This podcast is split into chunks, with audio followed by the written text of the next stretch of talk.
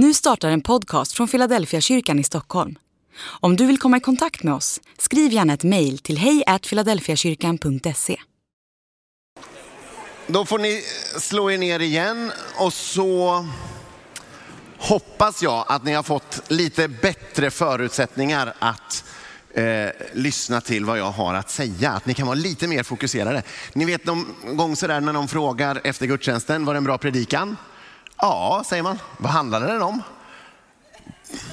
Man har nyss hört den, men det är ändå svårt. Jesus, vill jag säga, tänker man. Och det kommer funka idag med. Om någon frågar efteråt, vad handlade predikan om? Den handlar om Jesus. Det är lite som när man sätter sig, man sitter i tv-soffan hemma och så kommer eh, nyheterna gå mot sitt slut och nu kommer väderprognosen. Och så tänker jag, jag vill verkligen veta vad det blir för väder imorgon. Nu ska jag lyssna. Och så en liten stund senare, jag vet inte hur många gånger det har hänt mig, men då tänker jag bara, jag har ingen aning om vad det ska bli för väder imorgon. De har redan sagt det, meteorologen är klar, men jag, det for förbi liksom. Eller ni kanske har varit ute och åkt bil någon gång och så eh, sitter man med något sällskap i bilen och man åker, det kan gå timme efter timme, man åker på motorvägen och så säger någon, har vi passerat Ödeshög? Nej, ingen aning. Jag vet inte. Det hände mig en gång faktiskt att jag missade hela Örebro. Alltså jag skulle åka till Örebro, det var ju också lite retligt. Det var målet för resan, att ta mig till Örebro. Och jag satt och pratade med min medresenär och så efter ett tag så sa jag till honom, du är inte det här Laxå? Och vi skulle ju ha stannat i Örebro. Vi missade det. Det här är ett välkänt fenomen. Det kallas faktiskt för motorvägshypnos. Det eh, är känt att det kan hända att man utför sitt jobb som förare helt rätt och kör tryggt och säkert, men är liksom i någon sorts transtillstånd och glömmer precis vad man är. Jag tänker att ibland kan det ju vara så också i livet. Det går liksom på autopilot, det bara flyter på och man vet kanske inte riktigt vad man är. Och dagens predikan har fått rubriken Vart är du på väg? Och vill du komma dit? Vart är du på väg och vill du komma dit? När jag var barn hälsade jag ibland på min faster Brita i Osby. Jag hälsade på farmor och farfar också. Men det roliga var att få hälsa på Brita och vi hade en lek. Vi satte oss i bilen och så hade vi bestämt, vi kör två svängar höger, sen en vänster. Så upprepar vi det och så får vi se var vi hamnar. Det var ju jätteroligt. Man kunde hamna precis var som helst, man visste inte. Man bara följde den där uppgjorda rutten. Det allra bästa, jackpotten, det var om man till slut hamnade på någon gårdsplan där man egentligen inte fick vara. Det var otroligt spännande för ett barn som mig. Att plötsligt, oh nej, vi måste vända, här kan man ju inte vara sådär. Kanske är det så att du precis som jag ibland kan känna att livet följer liksom ett uppgjort mönster. Två höger, en vänster, två höger, en vänster. Jag upprepar samma procedur hela tiden och jag tar mig framåt. Men vart är jag egentligen på väg? Och titt som tätt händer att man känner, att jag har hamnat i en återvändsgränd. Jag måste vända. Vart är du på väg? Och vill du komma dit? Min favoritglosa på tyska, det är herumbummeln. Har ni hört det? Herumbummeln, alltså bumla runt. Det betyder vandra planlöst eller strosa omkring. Visst är det härligt? Det är ett härligt ord. Man vill säga det, ni får gärna säga det om ni vill. Herumbummeln. Det ligger bra i munnen liksom, eller hur? Och det är också en trevlig syssla. Att bara strosa runt lite planlöst utan att vara så säker på vart man ska. Kanske känner du så i livet. Jag strosar liksom runt. Jag har inte funderat på vart jag är på väg eller om jag vill komma dit. Att åka på autopilot är behagligt och att eh, följa ett visst mönster eller en rutin kan vara roligt. Strosa runt planlöst är trevligt. Men inget av det här skulle vara behagligt, roligt eller trevligt om det var det enda sättet man tog sig fram på. När man har strosat ett tag, då vill man ta sikte på något trevligt café. Och när man har lekt en stund med rörelsemönstren i bilen, då vill man åka hem till farmor och äta kvällsmat. Och när man har tuggat mil efter mil så är det skönt att titta ut genom fönstret och se, nej men det är ju Södertälje, nu är jag snart hemma. Vart är du på väg? Och vill du komma dit? Jag tror det finns utrymme i livet för att låta det bli som det blir. Men jag tror att det ibland kan vara bra att stanna upp och fundera över just det där. Vartåt det bär. Annars så finns det en risk att du hamnar i Laxå när du skulle till Örebro.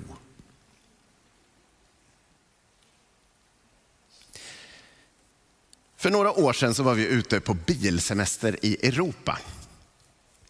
En sen kväll så hade vi tagit sikte på ett hotell i östra Tyskland. Vi hade kört länge den dagen och var, började bli trötta, men vi skulle hinna fram i tid innan de stängde. Så vi följde liksom eh, kartan och så kom avfarten och så var avfarten stängd. Det gick inte att åka av motorvägen där till hotellet. Stort problem. Det här hotellet låg i någon sorts motorvägskorsning, något Dreieck eller Kreuz eller vad det kan heta på tyska. Eh, så vi valde att åka över på en annan motorväg, komma tillbaka från ett annat håll för att kunna komma till vårt hotell. Samma problem igen. Avfarten var stängd. Det gick inte komma av. Hur ska vi göra? Vi kunde se hotellet, men det var något vägarbete som gjorde att här kan man inte åka av. Vi åkte runt igen på andra hållet och tog en landsväg lite mindre än motorvägen och tänkte att kanske den här vägen skulle kunna gå och ta oss till hotellet. GPSen var inte till någon hjälp. Den hade blivit galen och föreslog någon liten väg genom skogen någonstans. När vi åkte på landsvägen kikade vi lite på den vägen och tänkte att nej, får man ens köra här? Det här funkar inte. Upp på motorvägen igen. Vi måste kunna komma till vårt hotell. Under tiden som vi for runt så här så hade vi kontakt med hotellet. Vi ringde till en dam i receptionen och berättade att vi hade lite problem. Eh, och hon sa, det är inga problem, ni har ert rum bokat, ni är välkomna, vi väntar här på er. Men efter ett tag så började det där bli lite irriterande och lite tröttsamt. Jag tror det var tredje gången vi ringde till samma dam och försökte liksom på knackig engelska göra varandra förstådda. Som ett språkmirakel hände. Plötsligt så kom gamla äh, tyska glosor från skolan ner i huvudet på mig och jag hör mig själv säga i telefon istället för på engelska till damen. Es ist aber unmöglich. Wir haben drei oder vier verschiedene Ausfahrten versucht. Sie sind alle gesperrt. Och Helena bara tittar på mig. Talar du tyska? Vad säger du det nu? Jag talar inte tyska, men det där lät ju tyskt, eller hur? Och det räckte för att hon skulle liksom fatta vad som var vårt problem. Och språkmiraklet fortsatte, så vi kunde plötsligt förstå vad hon sa. Hennes budskap var, vänd om.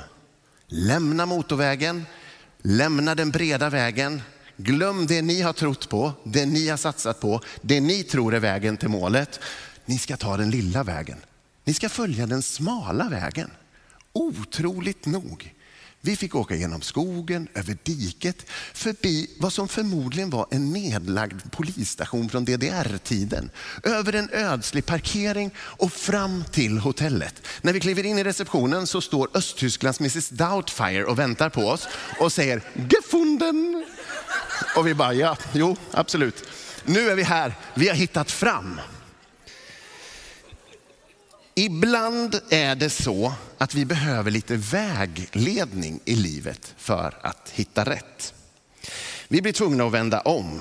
Vi behöver sluta sätta vårt hopp till de lösningar vi redan har, som vi redan tror på, de stora motorvägarna, och följa en annan väg. Vi behövde den gången någon som tog över kontrollen och som visade oss vägen. Vart är du på väg? Och vill du komma dit? Eller kanske ännu viktigare, vart vill du komma? Och hur ska du ta dig dit? Vi ska snart läsa dagens bibeltext. Där talar Jesus om att omvända sig. Han uppmuntrar var och en som hör honom att ta ut en ny riktning i livet, att just vända om. Att vända sig bort från något och till något annat. Nu händer det något nytt, säger Jesus. Släpp det där gamla. Vart är du på väg och vill du komma dit? Det Jesus säger är, oavsett var du är på väg, du vill inte komma dit. Släpp det nu och byt livsriktning. Det grekiska ordet för omvändelse som finns i den här texten, det är metanoeo. Det betyder bokstavligen eftertankearbete eller med förståelse. Och ordet kan användas för att ångra sig, för att ändra sig eller för att tänka om. Och mer exakt så handlar det om att man får ny kunskap som gör att man väljer att göra på ett annat sätt. På många ställen i Bibeln så används samma ord i nära anknytning till okunskap eller till ny insikt. Typ, ni visste inte bättre förut, men nu har ni fått veta. Gör då så här. Det är omvändelse. Så vad var det Jesus hade att förmedla som så fullständigt skulle kunna förändra förutsättningarna? Att man behövde vända om. Nu går vi till Markus evangeliet. Och då är vi i det första kapitlet och ska läsa från den fjortonde versen.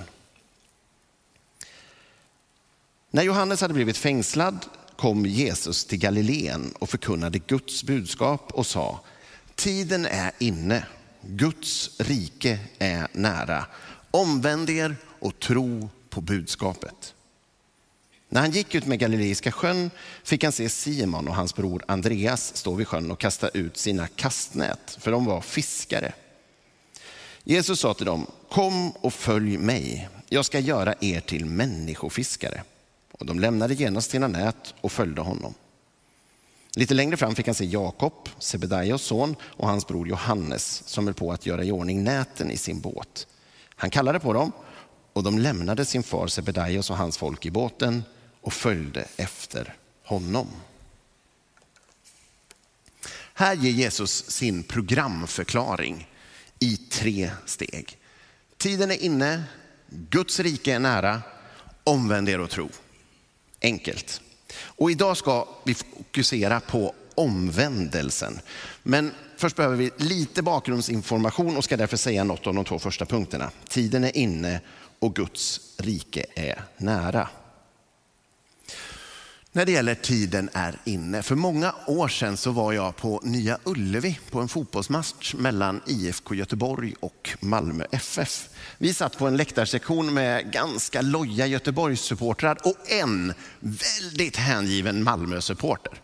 Varje gång Malmö fick liksom någon sorts kontroll över bollen och började röra sig i offensiv riktning, då ställde han sig upp och så sträckte han händerna i luften och så skrek han, nu är min skånska inte så bra, men han sa, nu ska det väl ändå ske.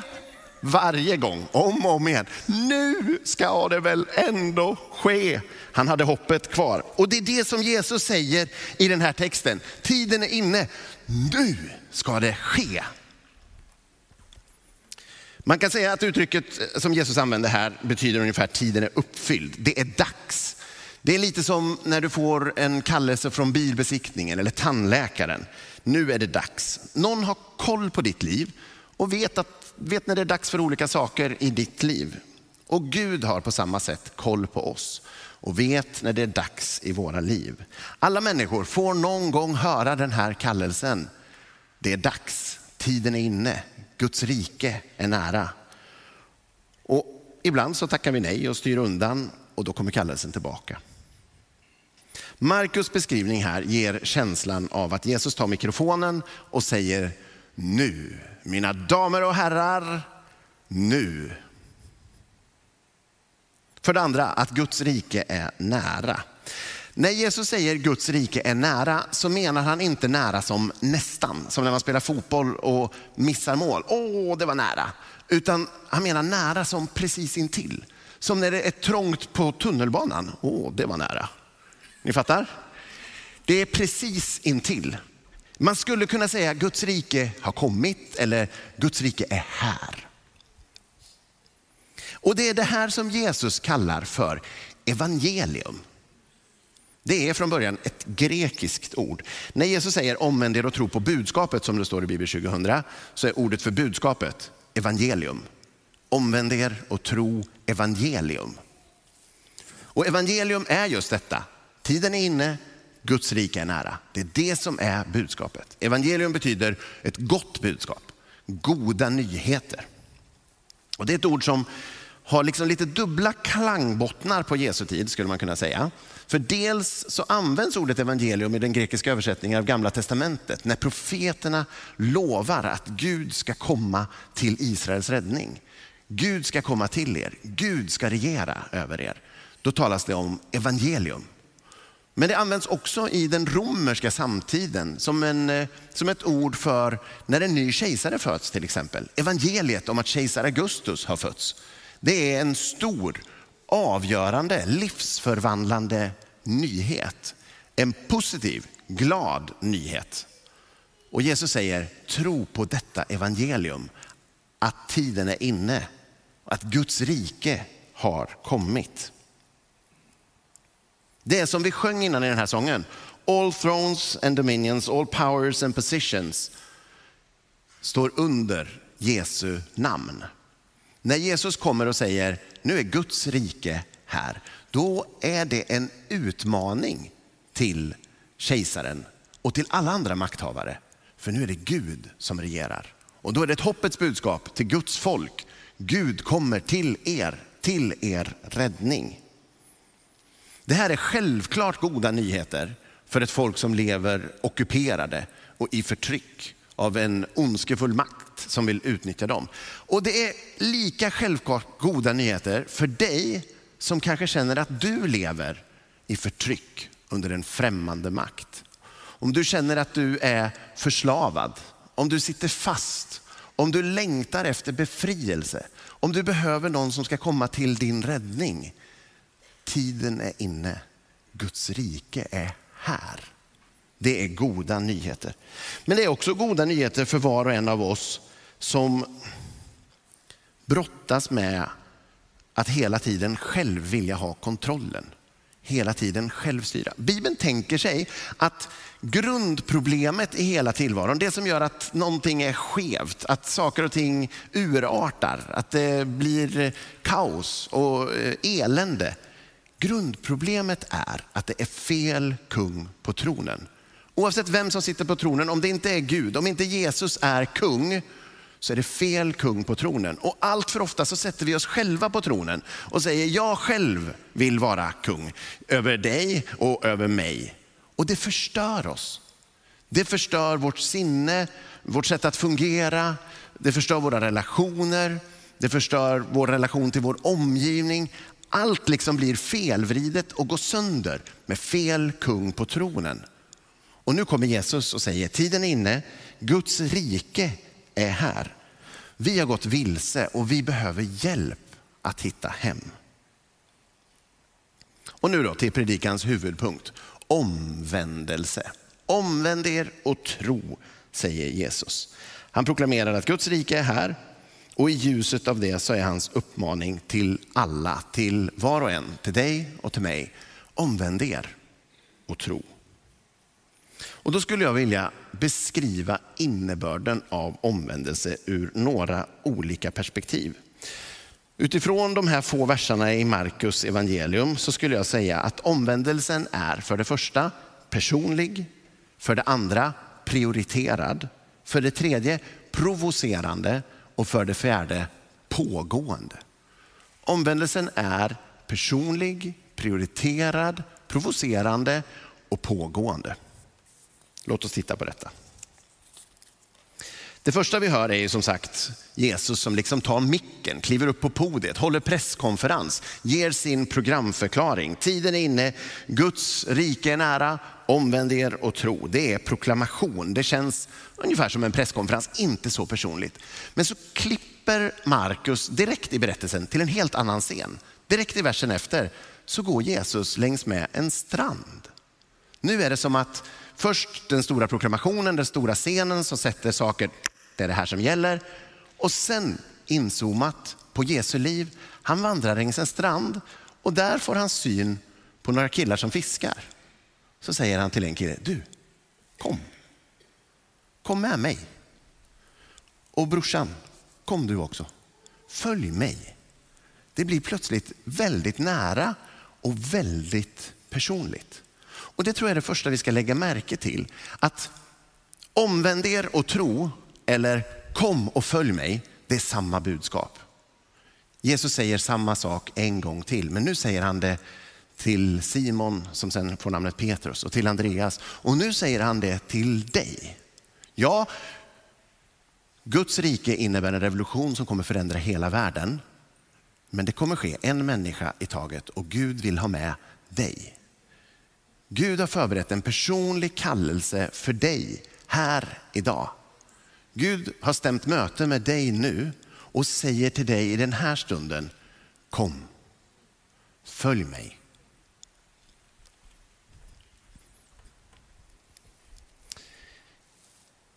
Sen detta att omvändelsen är prioriterad. Markus är väldigt kortfattad i sin beskrivning. Och när Jesus sagt kom och följ mig så skriver Markus i stort sett bara, och de följde honom. Det känns som att här finns det en större berättelse att berätta, men det är allt han säger. Nästan allt han säger. Han lägger märke till någonting mer, betonar en sak till. Han säger att de lämnade sina nät. Och senare när Gud kallar de nästa två så säger han, de lämnade sin far. Omvändelsen innebär alltid att vi måste lämna någonting. Vi hade en tanke innan, vi hade en idé, vi var på väg någonstans. Det måste du släppa. Du måste lämna det och gå vidare i något helt annat. Det är en del av omvändelsen. Och jag tror inte det är en slump att Markus nämner just att de lämnar nät och att de lämnar far. Näten, det är deras levebröd. Det är deras jobb, det är deras karriär, det är det de gör. Och far, det är familjen, det är det sociala nätverket, det är vänner och bekanta, det är tryggheten. Det är inte en slump heller att vi när vi hälsar på varandra ofta säger, vad heter du? Ah, är du Kalles syrra? Eller vad jobbar du med? Ah, intressant. Din släkt, din familj, dina närmaste relationer och ditt yrke, det du ägnar dig åt, det du jobbar med, definierar dig, vem du är. Och omvändelsen är av ett sådant slag, Jesu kallelse är av ett sådant slag, att du behöver omdefiniera dig. Yrkeslivet, familjelivet kommer bli av relativ vikt efter att du har valt att följa Jesus. Det allra viktigaste kommer vara Jesus. Det som därefter definierar dig, bäst beskriver vem du är, det är efterföljelsen. Jag följer Jesus. Om omvändelsen är vår högsta prioritet och vi bestämmer oss för att följa Jesus, då kommer våra liv förvandlas och då kommer våra prioriteringar att förvandlas. Det kommer påverka din plånbok, vad du gör med dina pengar. Det kommer påverka ditt hem, vad du gör med dina tillgångar. Det kommer påverka din tid, vad du engagerar dig i och det kommer påverka dina relationer. Allt i livet kommer påverkas och kommer behöva prioriteras om i ljuset av omvändelsen. Som vi sjöng innan, vi ger dig allt vi är. Du är vår kung. Det är omvändelse, det är ett liv definierat av efterföljelsen. Och det här då, för det tredje, det är provocerande. Jag förstår det. Att låta efterföljelsen till Jesus definiera ditt liv, det låter nog för många svenskar idag helt främmande och kanske också ganska skrämmande. Är det rimligt? Jag vet inte om någon av er lyssnade till religionshistorikern David Turfjell när han sommarpratade i somras. Väldigt välskrivet, fint sommarprat, värt att lyssna på. Men där slår han bland annat ett slag för att vara lite försiktig med att låta det här med religion gå till överdrift. Han varnar generellt för överdrifter och han menar att lagom är bra. Han slår ett slag för att vara en måttligt engagerad pragmatiker och tänker sig att kristendomen på sin höjd skulle kunna få vara som ett ramverk för livet. Jag tror att många av oss kan relatera till det där, kanske sympatisera med det. I en tid av religiös fanatism som leder till våldsdåd och förtryck så är det väl ganska rimligt att försöka vara lite måttfull och balanserad. Jag sympatiserar som sagt med det sättet att tänka, men jag skulle ändå vilja fråga, är det tillämpligt på efterföljelsen till Jesus? Jag vill hävda att den som följer Jesus, den som verkligen följer Jesus, blir inte våldsam eller förtryckande. Jesus är fridsfursten, en ödmjuk kung som kom för att tjäna, inte för att bli betjänad. Den som är våldsam och förtryckande behöver följa Jesus mer, inte mindre. Du behöver inte vara rädd för att gå all in och följa Jesus helhjärtat. När sa du någonsin till någon, jag tycker att din barmhärtighet har gått till överdrift? Nu tycker jag att du är besvärande kärleksfull. Kan vi tona ner det här lite grann med att göra rätt och gott? Nej, det är inget problem. För det fjärde, omvändelsen är pågående. När Jesus kallar Simon, som senare får namnet Petrus, och hans bror Andreas, då säger han kom och följ mig, som vi har sett. Men han säger också något mer. Han säger, jag ska göra er till människofiskare. Vad menar han med det? Man fattar, de är fiskare, så det är väl någon sorts ordlek här. Men människofiskare, vad märkligt. Är det dit vi ska? Är det dit vi är på väg? Vad kan det betyda? Det finns en berättelse i evangelierna lite längre fram när Jesus själv bokstavligen är människofiskare. Och då är det just Petrus som han fiskar upp ur vattnet. Ni kanske, några av er känner igen berättelsen. Jesus går på vattnet, det är blåsigt och vågigt och stormigt och Petrus ber att få gå till Jesus. Han börjar gå på vattnet mot Jesus men så fokuserar han på omständigheterna runt omkring, på vågorna, på vinden och så börjar han sjunka. Jesus är människofiskare, räcker ut sin hand, fiskar upp Petrus och sätter honom i säkerhet i båten. I Bibeln symboliserar vatten, vågor och stormar livets kaos. Rädsla, oro, ångest, förtvivlan. Och när Petrus ser till omständigheterna då sjunker han. Han är på väg att slukas av kaoset. Men Jesus kommer till hans räddning. Och det här tror jag är en bra bild av människofiske. Vad är det att vara en människofiskare? Det handlar om att lyfta andra människor ur kaos, ur elände och sätta dem i säkerhet. Och Jesus säger inte, nu blir ni människofiskare. Så, utan han säger, jag ska göra er till människofiskare.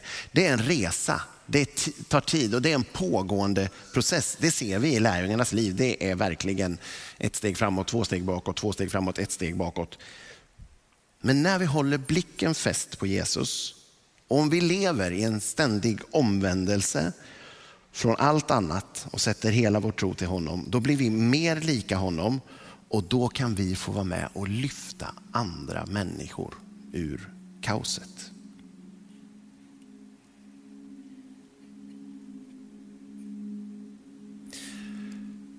Tiden är inne. Guds rike är nära. Omvänd er och tro evangelium. Vart är du på väg? Och vill du komma dit? Vart vill du komma och hur ska du ta dig dit? Gud kallar oss alla att tänka om, att byta riktning, att omvända oss och att sätta vår tro till honom. Och jag tror idag att Gud kallar på just dig. Jag tror att det är några här som när jag har talat har känt det där personliga tilltalet. Ett du från Jesus. Ett kom och följ mig. Och tiden är inne det är inte fel dag. Du har inte missat det. Det var inte igår, det var inte någon annan gång tidigare. Det är inte morgon så småningom. Vi får se. Nej, det är nu. Tiden är inne. Nu, idag, i den här stunden. Och Guds rike är nära. Du är på rätt plats. Guds rike är inte någon annanstans. Det är inte ett land långt borta som du behöver resa till. Det är inte någonstans du behöver ta dig överhuvudtaget. Du behöver inte förflytta dig alls för Guds rike är nära. Det är här, på den platsen du befinner dig just nu. Här och nu finns inga hinder, inga omständigheter som måste ändras eller läggas till rätta. Det finns inga ursäkter. Tid och rum erbjuder inga undanflykter. Tiden är inne. Guds rike är nära. Omvänd dig och tro evangelium. Amen.